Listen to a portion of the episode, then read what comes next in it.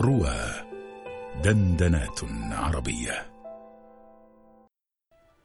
سيادة الرئيس هل يجوز هنا القصاص؟ من شروط القصاص أن يطلب ولي الدم القصاص. فإن عفا فلا يجوز القصاص. إذا كان هذا حق ولي الدم ألا يكون حقا من قبل للمجني عليه نفسه؟ وهو الذي طلب وألح في طلبه. هل يجوز بعد ذلك أن يطلب وراثه القصاص؟ أخبروني يا أهل الشرع هل القصاص واجب هنا أم لا؟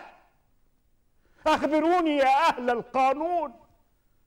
هل يجوز الحكم على من ارتكب جريمة تحت إكراه؟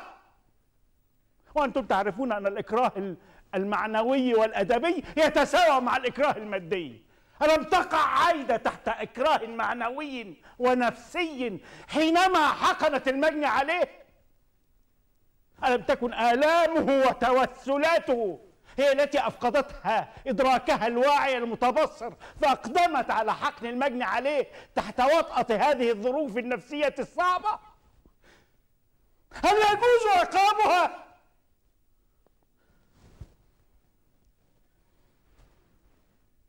سيد الرئيس حضرات المستشارين الأجلاء الرحماء عندما تخلون إلى أنفسكم فكروا هل عايدة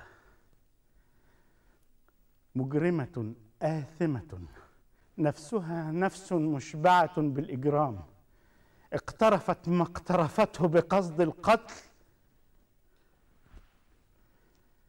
وفي النهاية أقول إن الرحمة والشفقة هما لواء ما فعلت عايدة فبذات الرحمة أناديكم. بذات الشفقة أناشدكم. فاقضوا ما أنتم به قاضون.